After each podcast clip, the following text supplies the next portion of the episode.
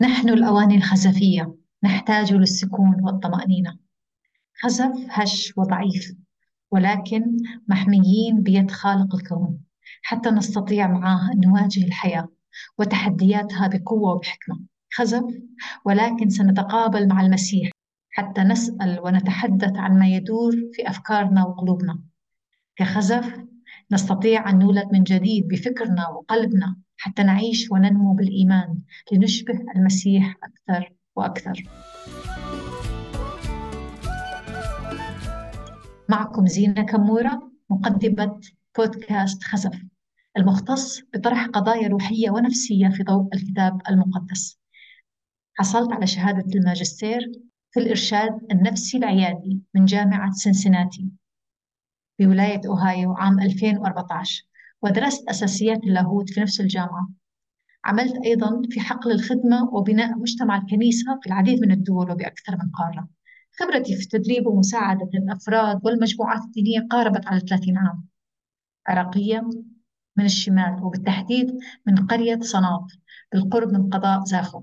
يعني سنختيتا ويمخكن سورة صناطية وأتكلم اللغة الكلدانية سعيدة جدا بأني سأقضي معكم بعض الدقائق حتى نتأمل قصة هي على الأغلب قصة مألوفة للجميع ولكن أوعدكم بسماع بعد جديد في هذه القصة لو قررتوا أن تسمعوا للآخر.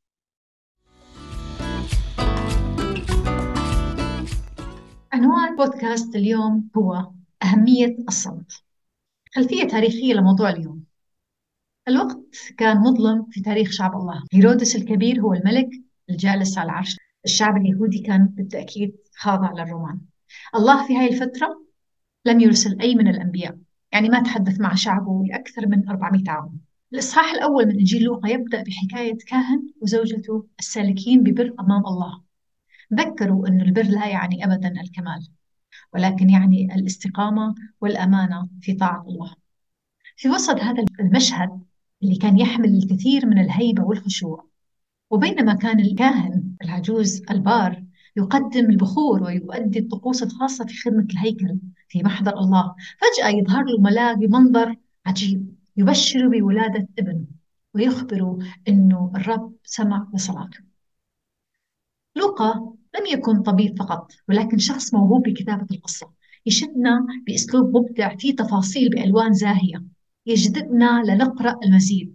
وبحسب اللاهوتيين أن لوقا أكثر شخص بارع بسرد القصص وتسليط الضوء على أمور دقيقة شيء يتميز به الأطباء.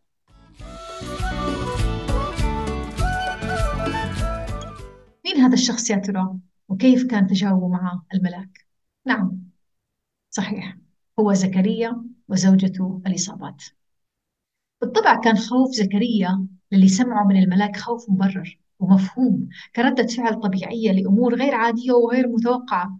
ما لم يكن مبرر ومقبول هو شك زكريا بقدرة الله على تحقيق ما وعد به. وبالأخص بعد أن وضح الملاك الكثير من الأمور اللي قصد بها الله من ولادة هذا الابن. ابتداء من اسمه يوحنا. مصدر كلمة يوحنا في اللغة العبرية يوحنان تعني الله الكريم الله الرحيم الله الحنون. يوحنا هذا كانت دعوته خاصة وهو أن يعد طريق الرب يحضر الناس لمجيء المخلص المسايا الملاك أيضا أخبر زكريا بنوع وأسلوب الحياة اللي راح يعيشها يوحنا تمهيدا لرسالته ومع ذلك شك ولم يصدق ما قاله الملاك سرد القصة بتفاصيلها في إنجيل لوقا يؤكد لنا بأن كل الظروف والأحداث كانت مهيئة لزكريا حتى يصدق ويفرح باللي سمعه من الملاك ولكنه يفاجئنا بالشك وعدم التصديق. ذكروا أنه زكريا كان كاهن ومن سلالة الكهنة وكان يخدم في الهيكل ويقوم بالأعمال الخاصة بهذه الوظيفة. ومع ذلك ما كان يملك اليقين الكافي لتصديق الرسالة. على فكرة مش مهم ما هي وظيفتنا الروحية أو لقبنا أو عدد سنين خدمتنا في الكنيسة. مش مهم إذا كنا ننتمي لعائلة روحية أو متدينة. الأهم هو استعداد قلوبنا وانتظارنا لتدخل الرب في حياتنا بالطريقة اللي يشوفها مناسبة. ردة فعل زكريا تجاه الملاك كانت تمثل حالة أمة وشعب كامل. حياة طقسية روتين خالية من أي إيمان وتصديق لوعود الله.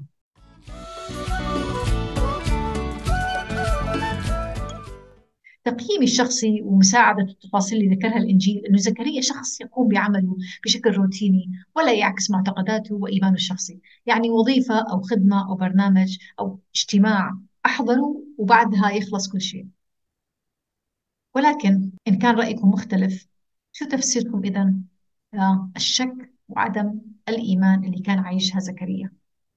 لا أعرف عنكم مستمعية. ولكن أنا من صغري كنت أذهب للكنيسة ولسنين طويلة جدا. كان تواجدي عادي لا علاقة له بحياتي وعلاقتي الشخصية مع الله. كنت أحيانا أنظر للناس حولي ما كنت أشوف غير الاكتئاب والتدين والرياء. ولكن هذا لا يعني أبدا أنه ما كان في ناس يعبدوا الله بصدق وأمانة. طبعا هدول الأشخاص بالرغم من قلتهم لكنهم موجودين في كل مكان وزمان. الله يكلمنا بطرق مختلفة. وقد تكون هذه الطرق تقليدية. خليني أتراجع وأعتذر عن استخدام كلمة تقليدي. يمكن هاي هي مشكلتنا. وأنا أحضر لحلقة اليوم أدركت أنه فعلا قد تكون المشكلة الأكبر هي لما تصبح الأمور العجيبة والخارقة للطبيعة شيء عادي وتقليدي لكثرتها وتكرارها المستمر في حياتنا. مثلا أن تكون فكرة أنه الله نفسه يظهر ذاته عن طريق كتاب أو عن طريق تجسده كإنسان أو موته على الصليب وقيامته أن تصبح هاي الأشياء عادية ولا تبهرنا وتشجعنا. زكريا الكاهن لم يكن يعيش بترقب ولا بحالة انتظار. ما كان يصلي كلمني يا رب. مع أنه كاهن ولكن سمح أن يجاري الناس حوله بقلة الإيمان الموجودة.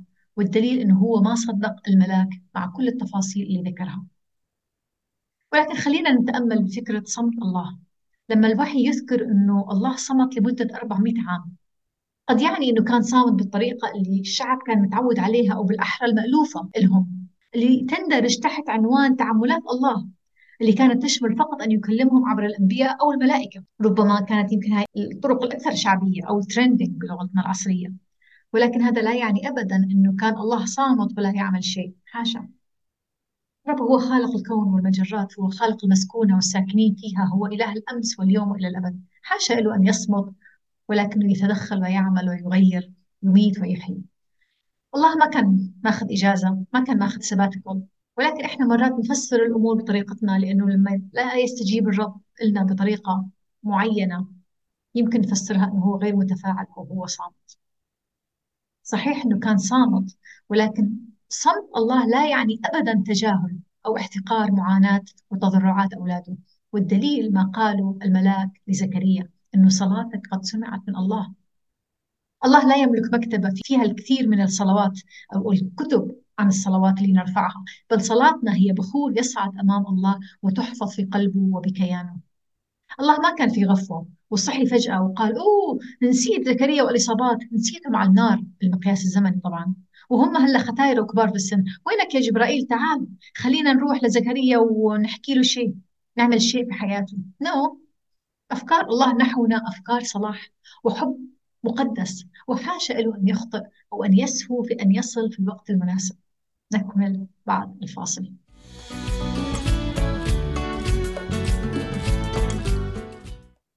فأجاب الملاك وقال له أنا جبرائيل الواقف قدام الله وأرسلت لأكلمك وأبشرك بهذا. وها أنت تكون صامتا ولا تقدر أن تتكلم. إلى اليوم الذي يكون فيه هذا لأنك لم تصدق كلامي الذي سيتم في وقته الله أرسل الملاك حتى يبشر زكريا ولم يصدق. وهذا الأمر ينطبق علينا نحن كمؤمنين أيضا. عدم تصديقنا للرب وثقتنا بعمله لها عواقب جدية. في حالة زكريا بقى صامت لفترة طويلة حتى أوفى الله بوعده بولادة ابنه يوحنا. صحيح أنه الإنجيل يذكر بأنه زكريا كان إنسان بار ولكن من الواضح أنه كان بأشد الحاجة إلى الصمت. حتى يتعلم كيف يثق ويميز فكر الرب وطرقه العجيبة. كان محتاج للصمت البعيد عن التشويش وعن روتين العمل ككاهن حتى يعطيه فرصة أن يسمع من جديد ويتعلم ويتعمق أكثر في معرفة شخص الله وأن يترقب شيء مختلف ولا يكتفي بعبادة جامدة لا حياة فيها ولا تأثير وأن يختبر قوة الله في حياته الشخصية. وليس فقط ما يسمعه من النبوءات أو من الحكاية في حياة شعبه بقديم الزمان.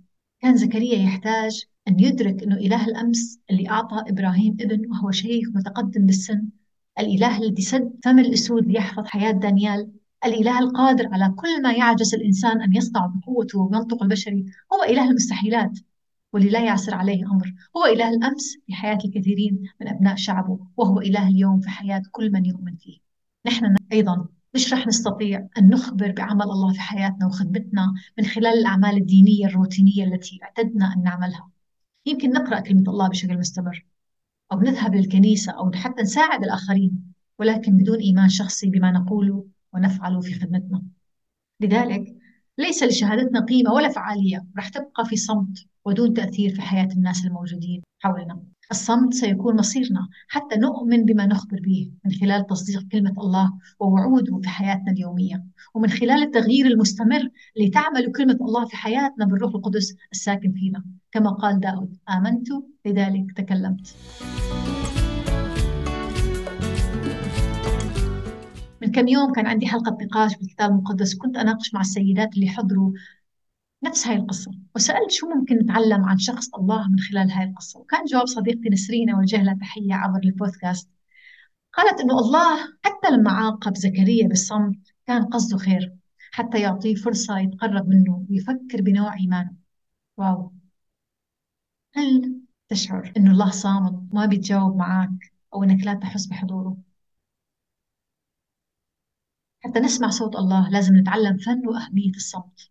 الصمت لا يساعدنا فقط على اتزان شخصيتنا وترتيب حياتنا ولكن يساعدنا أيضا أن نعطي الفرصة لله حتى يكلمنا.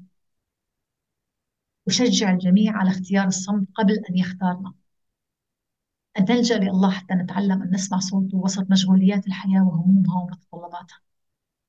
إذا ما اختارينا الصمت والراحة والسكون الله سيصمتنا بطرق مختلفة أحيانا بمرض. أو بخسارة مادية أو خسارة علاقة أو وظيفة. الله سيضطر أنه يخرجنا من عالمنا المزدحم وماراثون الحياة اللي يبدأ من أول طلوع النهار لحد آخر الليل وكل أيام الأسبوع. الصمت والسكون هو أمر مهم جدا لأرواحنا حتى تتواصل مع الله. بعد الفاصل سأخبركم عن فوائد الصمت النفسية. إحنا عايشين في عالم صاخب ومزدحم عندنا تليفونات والتلفزيون شغالين على مدار اليوم. عندك أطفال مسؤوليات زوج أهل عائلة عمل زملاء العمل خدمة كنيسة. ولكن إعطاء نفسك وقت لدقائق من الصمت أمر مهم. الصمت والسكون يسمح لعقلنا بالراحة.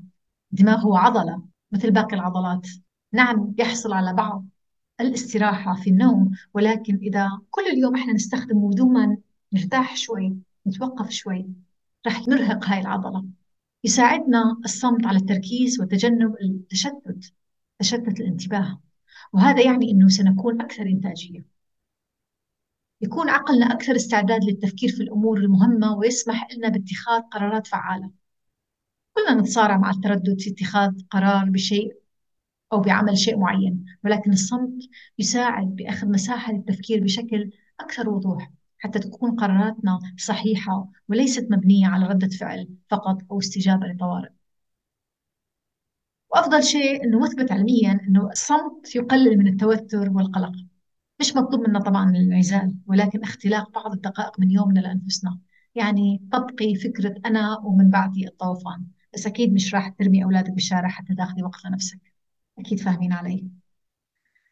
بعض الطرق العملية لحياتنا اليومية. يمكن إيقاف تشغيل الهاتف أو على الأقل إشعارات اللي تصلنا رسائل notification آه، من Messenger من فيسبوك آه، من انستغرام من إيميلات إنه أوقف هذا الإزعاج أو هذا الأمر. أبتعد عن الجميع وتطبيق هذا الشيء مختلف لكل شخص فينا. يمكن أذهب لكوفي شوب لمدة ساعة. أطفالك حطيهم مع زوجك أو أختك أو شخص موثوق. رياضة المشي حتى لو ربع ساعة في اليوم. تناول القهوة في زاوية من من زوايا بيتك مع موسيقى تحبيها في بعض الدقائق. اصحي من النوم قبل أن يبدأ الهجوم المسلح من الطلبات عليك من أطفالك أو زوجك حتى لو كانت 15 دقيقة في اليوم قبل ما يصحى الجميع. سجلي في دورة تعلم فيها مهارة جديدة. اقرأي كتاب للاستمتاع وليس للعمل أو مشروع أو خدمة. كل هاي الأمور هي أدوات مساعدة وأنا متأكدة أن كل شخص مستمع قادر على الإبداع بحسب الظروف والإمكانيات المتوفرة. أنا عمليا أريد بعض الثواني لنفسي قبل أن أنهي حلقة اليوم.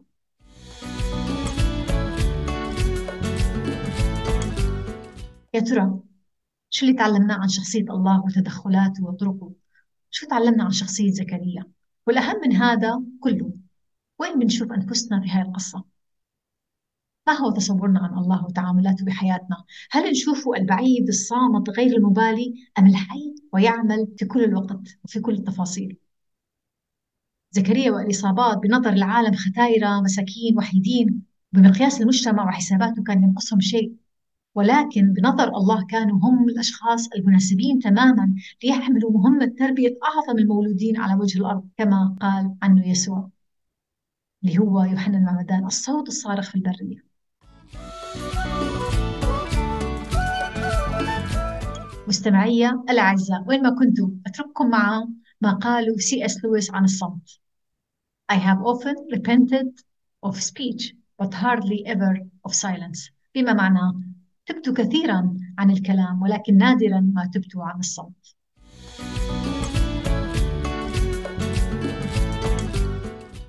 اسمحوا لي قبل أن نستودعكم بسلام الله العجيب أن أطلب منكم أن تشاركوا حلقة اليوم مع أصدقائكم وأحبتكم. لو برأيكم ممكن تشجعهم أو تدعمهم. البودكاست موجود على اليوتيوب والفيسبوك وموقعي الإلكتروني على زينة كمورة دوت كوم.